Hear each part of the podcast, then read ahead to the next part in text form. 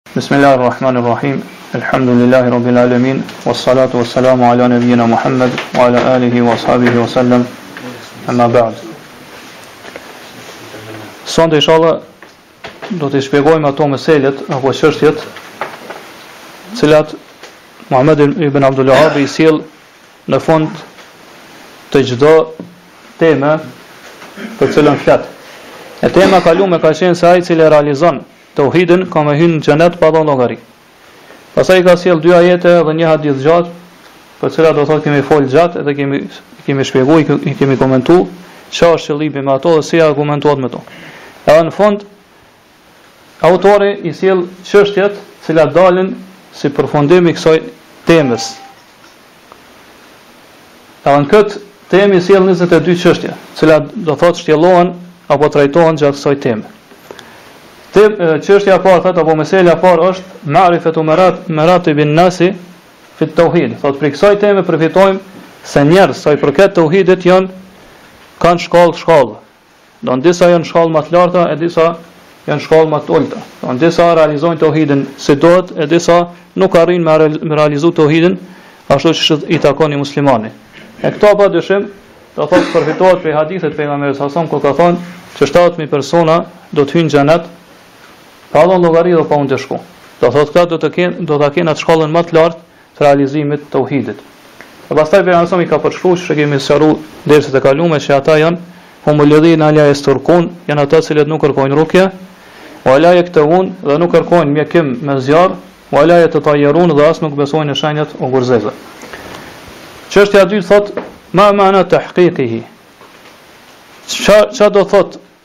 me realizu tauhidin. Çfarë kuptimi ka që njeriu nëse e realizon tauhidin do të arrijë këtë shpërblim kaq të madh te Allahu subhanahu wa taala?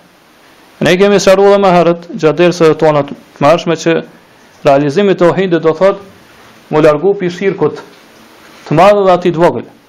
Do thotë mu largu pi çdo lloj shirku, pi çdo formë shirku, pavarësisht a është shirk i madh apo shirk i vogël. Edhe mu largu pi gjitha ndalesave, pi gjitha harameve, pi gjitha gjynave të mëdha,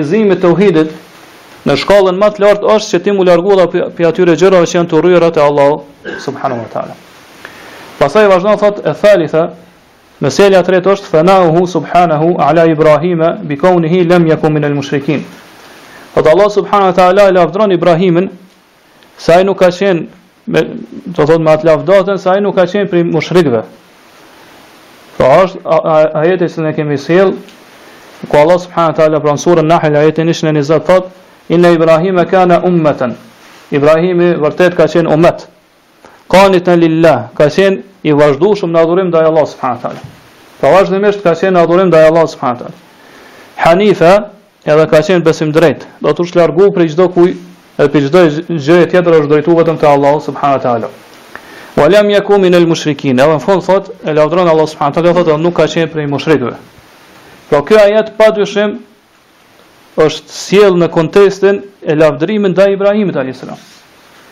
Edhe ky lavdërim ndaj Ibrahimit alayhis salam është kushtëzuar me largimin prej shirkut. Prandaj çdo kush i cili largohet prej shirkut, ai pa dyshim që ka me arrit këtë lavdërim te Allahu subhanahu wa taala. Do nuk është kjo e veçantë vetëm për Ibrahimin alayhis salam. Mirëpo Allah subhanahu wa taala këtu po na tregon se çdo kush i cili largohet prej shirkut,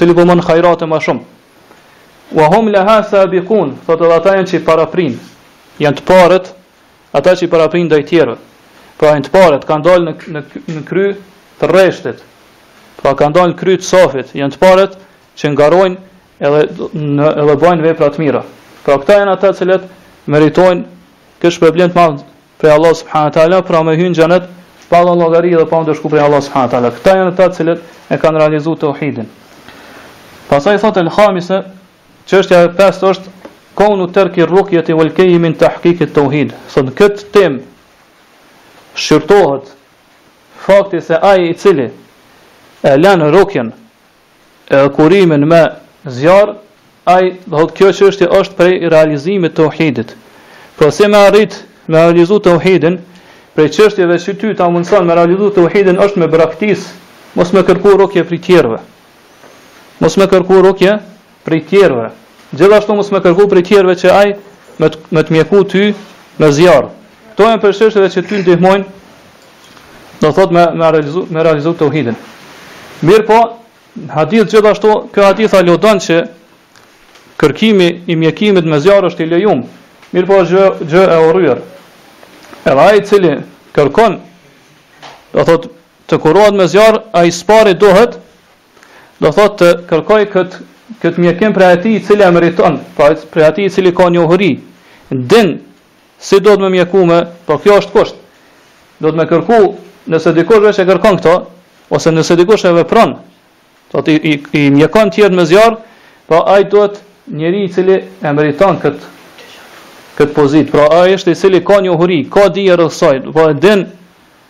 vendin e dhimbjes. E din vendin ku duhet, do thot me me kuru ose me mjeku me zjarr, edhe gjithashtu e din sasinë, masën se sa duhet me vepru zjarr. Do thot se sa duhet me vepru kur ai mjekon me zjarr. Pra do të ky ky kusht duhet gjithsesi të plotësohet. Gjithashtu në këtë hadith kuptojmë edhe përfitojmë se ka argument pra që është e urryer që njeriu mi lut njerëzit ose me kërku diçka prej tyre. Për arsye se kërkimi i diçkaje prej njerëzve, kjo e mangëson teuhidin. Pra me kërku diç prej njerëzve, pavarësisht çka është ajo, a është kërkesë e madhe apo vogël, ajo e mangëson teuhidin. Kurse vetëmjaftueshmëria,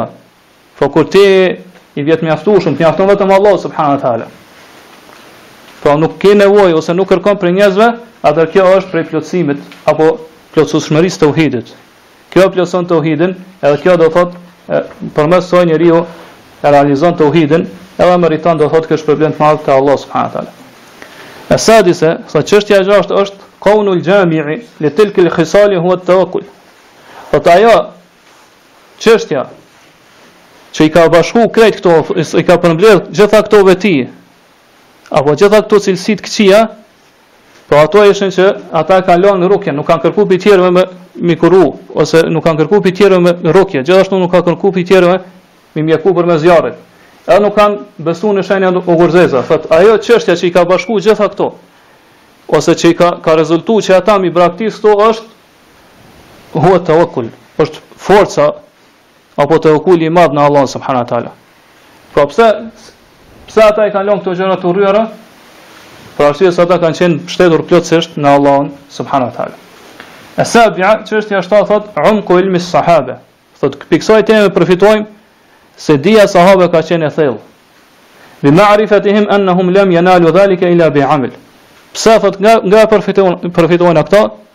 Kjo dobi është se sahabët e kanë kuptu se ata persona të cilët do të hynë në xhenet, pra ata 70.000 persona të cilët do të hynë në xhenet pa dhënë llogari dhe pa u ndëshku, nuk e kanë arrit këtë shpërblim kaq madh përveç se përmes punës.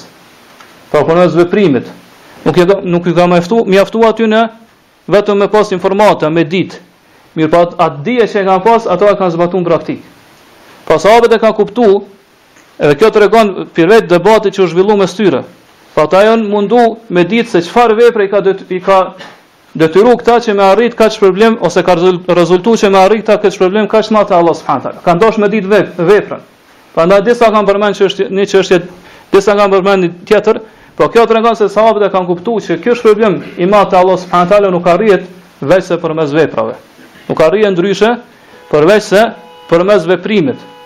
Pra nuk mjafton njeriu vetëm me pas njohuri, vetëm me pas dije, për një mesele, mirëpo atë duhet me qit në praktik, duhet me zbatu në praktik. Edhe kjo tregon edhe për çështjen e tetë, ku thot eth-thaminetu hirsuhum alel hajr. Thot kjo tregon se ata kanë qenë të kujdesshëm, janë përpjek shumë në hajr, në vepra të mira. Pra ata kanë debatu mes tyre, se cila është ajo vepër e cila do thot është bërë shkak që këta me shku në xhenet, me hi në xhenet Allah subhanahu teala, pa dhënë llogari edhe pa u ndëshku. E do thotë qëllimi ka qenë që ata me ardhë deri te rezultati, edhe me ditë se cila është ajo vepër, pastaj me vepru atë, me qit në praktik. Pra kjo tregon se ata kanë qenë të kujdesshëm shumë me ditë se cilat janë ato vepra të cilat nëse i zbatojnë e kënaqin Allahun subhanahu wa taala. E tasia, thotë, çështja nëntë që përfitohet prej kësaj teme është, fadhiletu hadhihil umme, bil kemijeti, uel kejfijeti. Thotë, të tregon vlerën e këtij umeti, në sasi edhe në cilësi.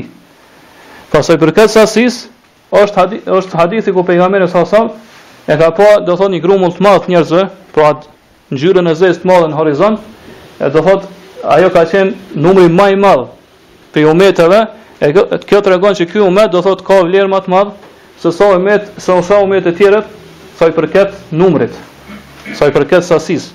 Pra do të jenë umeti ma shumë ma i madh në ditën e gjykimit. Kurse sa i përket cilësisë, është se në mesin e këtyre do të jenë 70000 Do thotë cilët do të jenë më të vlefshmit, prej krejt njerëzimit. Prej njeriut të parë deri të fundit që do të hyjnë në xhenet pa dhënë llogari edhe pa u ndëshku prej Allahut subhanahu wa taala. El ashira thotë në çështja 10 Fadilatu ashabi Musa tregon vlerën e umetit Musës ose pasuesit të Musës. Pra që ai është umet i dyti në radhë mas umetit pejgamberit sa që do të jenë më shumë në numër në ditën e gjykimit. Pra kjo tregon se Musën e kanë pasu një numër i madh prej popullit tina. Në po qëllimi është për ata cilët e kanë pasu Musën në hak, po pasuesit e tyne që e kanë pasu pasuesit e Musës që e kanë pasu ato në hak. Jo ata që cilët kanë ardh ma vonë dhe kanë shtrembru dhe kanë deviju fen në cilën ka qenë Musa a.s. El hadije ashara, thot, meselja njëmbëdhjet është ardhul umemi a.s. Thot, këtu shqyrtohet dhe shtjellohet se pejgamberi sa sa ju kanë shfaq, ju kanë ekspozuar gjitha umetet. E prej kësajna dijetarët kanë thonë ne i përfitojmë dy dobi. E para është që Allah subhanahu teala përmes kësaj ka dashur me ngushëllu pejgamberin sa sa. Pra kur ja ka shfaq këto umetet. Edhe pejgamberi sa sa e ka pa që në mesin e atyre umeteve ka pas pejgamber që i kanë pas një numër shumë të pak të pasuesve. Bile disa kanë pas një apo dy pasus. E disa prej pejgamberëve s'kanë pas hiç pasus. Këtu Allah subhanahu wa taala ka dashur me me ngushëllu pejgamberin sa sa. Edhe me tregu që edhe pse nuk nuk të pasojnë numri i madh i njerëzve, atë ti mos u mërzit. Për se tek e fundit, udhëzimi është n'dorën e Allah subhanahu wa taala. Pra obligim mbi ty është Që ti vetëm ja komunikon njerëzve fenë e Allahut subhanahu wa taala. Dobia e dytë është se kjo tregon atë vlerën edhe pozitën e lartë pejgamberit sa sa. N'këtë hadith ku Allah subhanahu wa taala po tregon se pejgamberi sa ka me pas pasues më së shumti. Edhe gjithashtu në mesin e tyre kanë me qenë ata që janë më të vlefshëm prej krejt njerëzimit, atë kjo tregon se pa dyshim tregon edhe për vlerën e madhe pozitën e lartë që pejgamberi sa sa ka te Allahu subhanahu wa taala.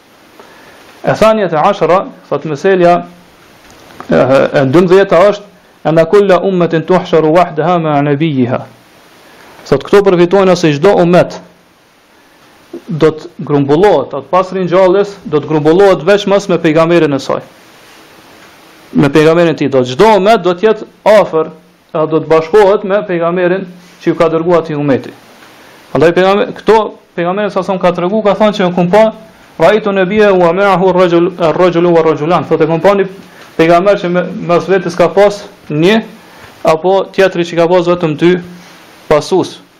Po kjo tregon se Sikur mos të kishin qenë këta pejgamber, mu dallu njani me tjetrin, atëherë ju kishin përzi pejgamberit sa sa.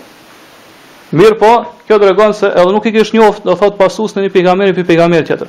Kjo prej saj përfitojna që çdo umet do të ringjallet dhe do të bashkohet, do të tubohet me pejgamberin e tina. Pra aty ai popull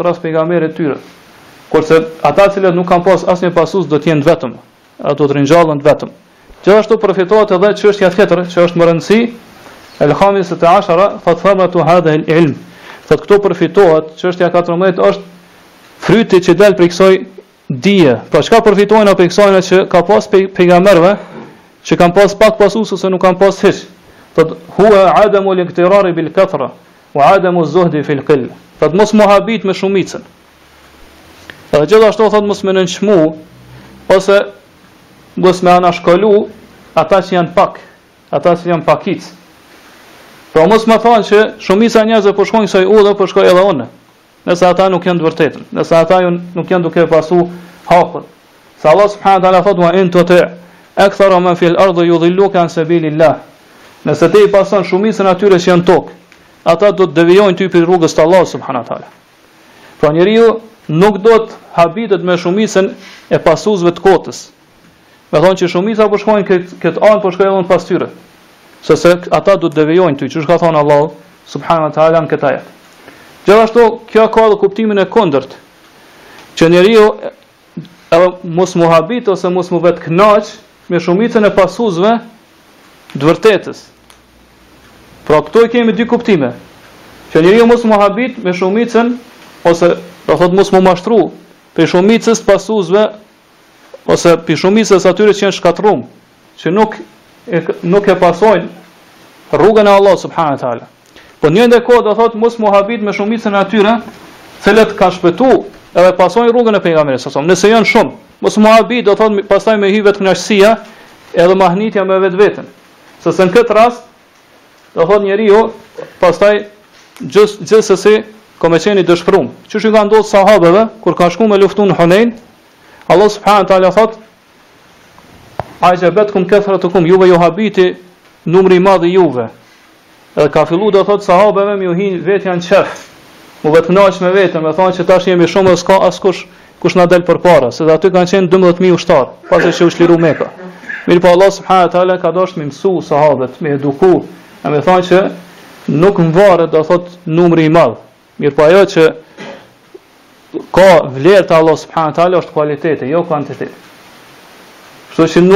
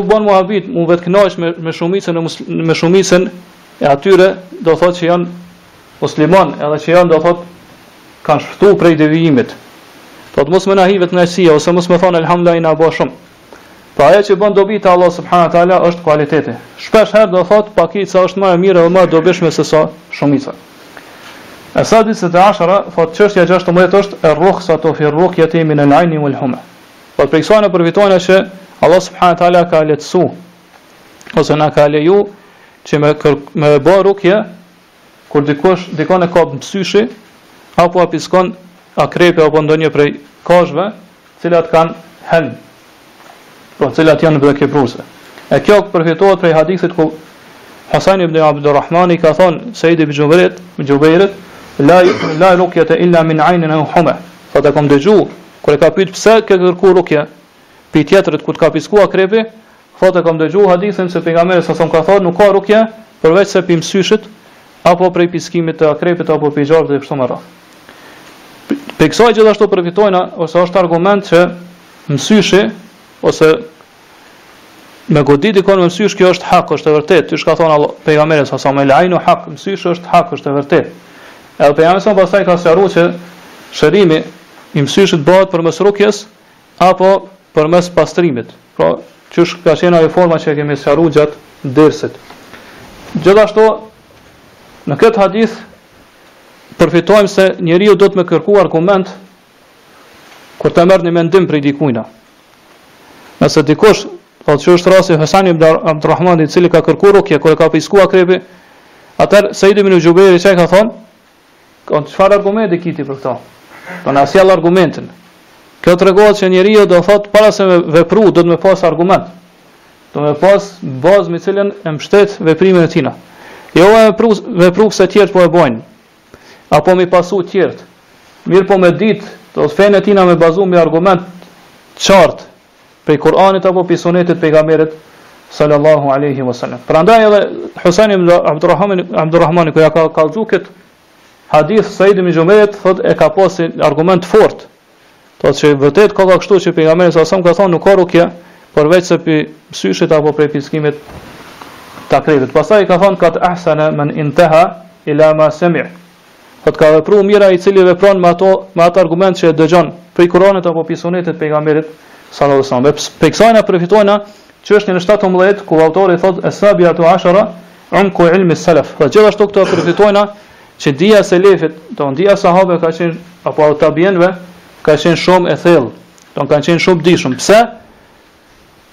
Pse s'pari, do thotë kur e ka kërkuar argumentin prej Husain ibn Abdurrahmanit ia ka sjell këtë hadith që nuk ka rukje, përveç se prej mësyshit apo prej pickimit të akrepit apo prej gjarprit e kështu me radhë. Atër, ia ka thonë këtë fjalë, Seid ibn Xhubejri ka thonë, ka vepru mirë ai i cili vepron me argument. Mirëpo ka thonë, unë e di një hadith tjetër të pejgamberit, sa Pra këtu po i thotë që ti ke vepru mirë, E po thotë unë e di një hadith tjetër, e prej kësaj po kuptojna që Seid ibn Xhubejri e ka ditë që hadithi i dytë, cilin transmeton prej ibn Abbasit nuk e kundërshton hadithin e parë.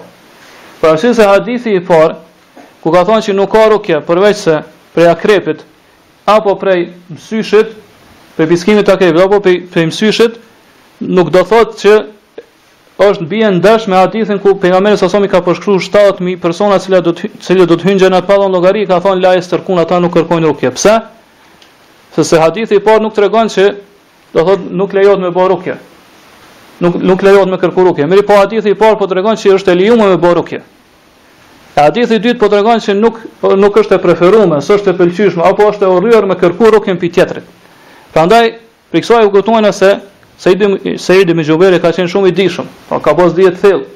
Pra i thotë ti ke vepruar mirë. Mirëpo ne dimë një hadith tjetër të pejgamberit salallahu alejhi ve selem, të cilin e ka tregu që nuk është mirë, s'është e preferume, apo është e urryer që ti me kërku rukjen pi tjetrit.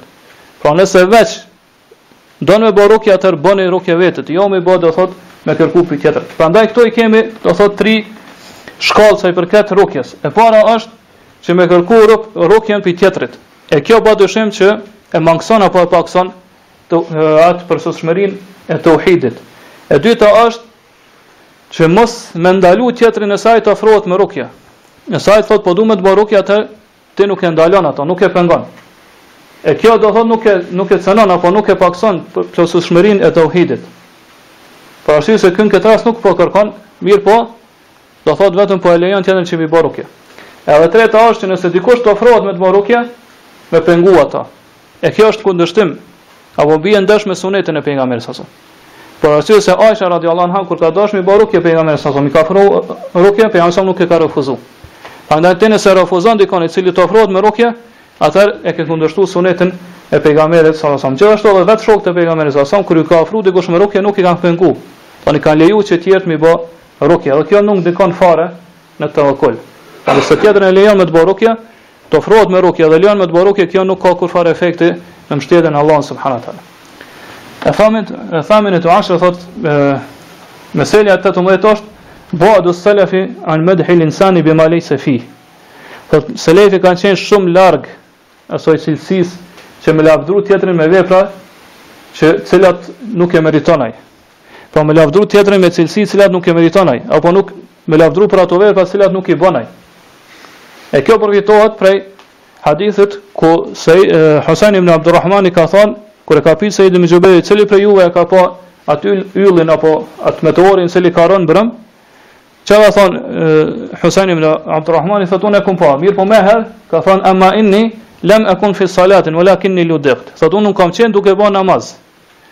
Pra ai ka qenë zgjuar natën, do thotë ka ka pas një pengesë pse nuk e ka lon me flajt.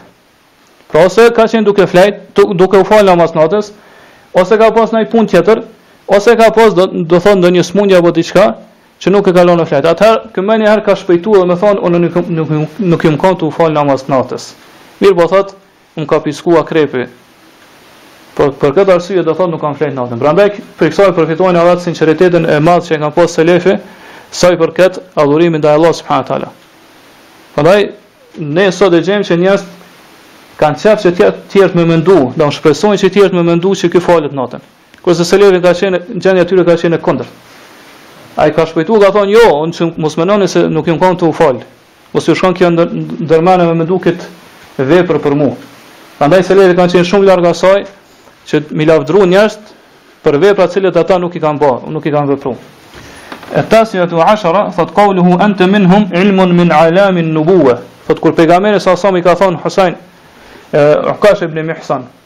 Kur e ka lut, ka thënë pejgamber, lute Allahun që me m'ba edhe mu prej atyne 7000 personave që hynë xhenet pa dhënë llogari, pejgamberi sa sa ka thënë ti je prej tyre. Thot autori thot këtu kemi një shenjë prej shenjave të pejgamberllëkut të pejgamberit. Po që tregon se ai vërtet ka qenë pejgamber. Pse? Se Ukashe ibn Mihsan ka vdekë si musliman. Pra pejgamberi sa sa ka treguar që ti je prej atyne 70 mijëve, bile Ukashe ibn Mihsan ka vdekë si shahid. Don ka vdek duke i luftu ata cilët janë ngrit kundër shtetit të Ebu Bekrit, kundër shtetit të parë islam mas pejgamberit sa. Ka ka vdek do thonë në ato luftra. E kjo tregon se pejgamberi sa sa kur i ka thonë ente minhum ka ka lajmëru për diçka që vërtet do ndodhë ashtu. Do thotë Ukashe ibn Mihsan ka jetu në islam Edhe ka vdek shahid. Don kjo është tregon që është prej shenjave që vërtet pejgamberi sa sa e flet vërtetën. Edhe ai është pejgamber prej Allahut subhanahu wa taala. Wal ishrun thotë çështja e 20 është fadilatu ukasha. Tregon atë vlerën e madhe të Ukashës. Po tregon vlerën e madhe të Ukashës se ai është prej atyre 7000 personave që do të hyjnë në xhenet pa dhon llogari. Edhe pa u ndeshku prej Allahut subhanahu wa taala.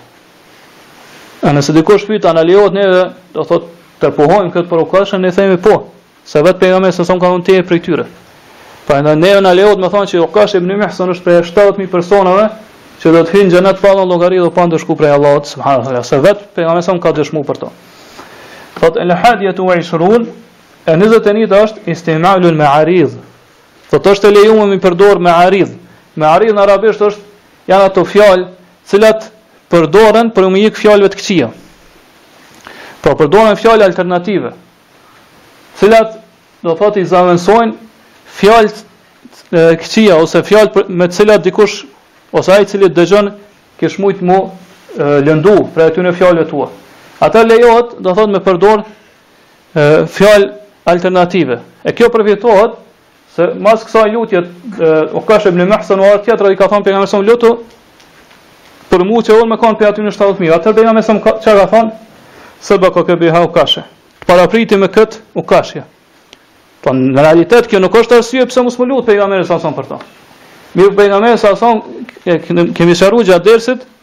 që janë dy mendime dijetarëve, ose ka e ka ditë që ai është munafik, edhe pse kemi thonë ky është mendim më i dobët, ose do të thotë e ka ditë që ai nuk e meriton këtë. Edhe për me mshel derën, që mos me vazhdu njerëz cilët nuk e meritojnë këtë shpërblim, edhe marr me lut pejgamberin sa son. Lut edhe për mua që me kanë prej tyre, atëherë pejgamberi sa sa i ka thonë të ka parapri Ukashe me kët. Edhe pse kjo do thotë nuk është arsye e mjaftueshme pse mos me lut pejgamberi sa son për për për kët person. Mirëpo, Thotë, këtu përfitohet që lejohet me i përdor ato fjalë që janë alternative, do si alternativë për fjalë të këqija, ose fjalë me cilat dikush mundet mu lëndu. Pra pejgamberi nuk i ka thonë ti s'e meriton, ose s'je prej tyre, ti je prej, do thotë prej atyre që nuk e meriton me këtë shpërblim të madhë. E prej kësaj përfitohet, do thotë edhe çështja 22, ku thotë husnu hulukihi, prej kësaj tregon se çfarë morali t'lartë, E çfarë sjellje të mirë ka pas pejgamberi sa me shokët e tina. Po nuk i ka ofendu ata, nuk i ka lëndu, nuk i ka thonë që ti s'e meriton, ti do thotë je më i ulët se Ukashe. Mirëpo ja ka thonë një fjalë përmes cilës është arrit qëllimi, pra ka mshel derën që tjerë mos me pyt, edhe do thotë ka qenë fjalë e butë, fjalë e mirë, që nuk e ka lëndu atë personin, i cili ja ka bërë këtë kërkesë pejgamberit sallallahu alaihi wasallam. Dhe kështu do të jetë thotë gjendja e gjithë atyre, do thotë që janë prej dietarëve apo prej hoxhallarëve apo prej thirrsave në fenë e Allahut subhanahu wa taala. Po të përfitojnë prej këtij moralit të pejgamberit sa sa. Që t'ju flasin njerëzve fjalë të mira, t'ju flasin njerëzve fjalë të mira, fjalë të buta. Do thotë mos t'ju fjalin, mos t'ju flasin njerëzve fjalë të cilat do thotë i lëndojnë ata. A thotë edhe sheh sheh Feuzani, Allahu ruajt, edhe nëse ata janë gabim,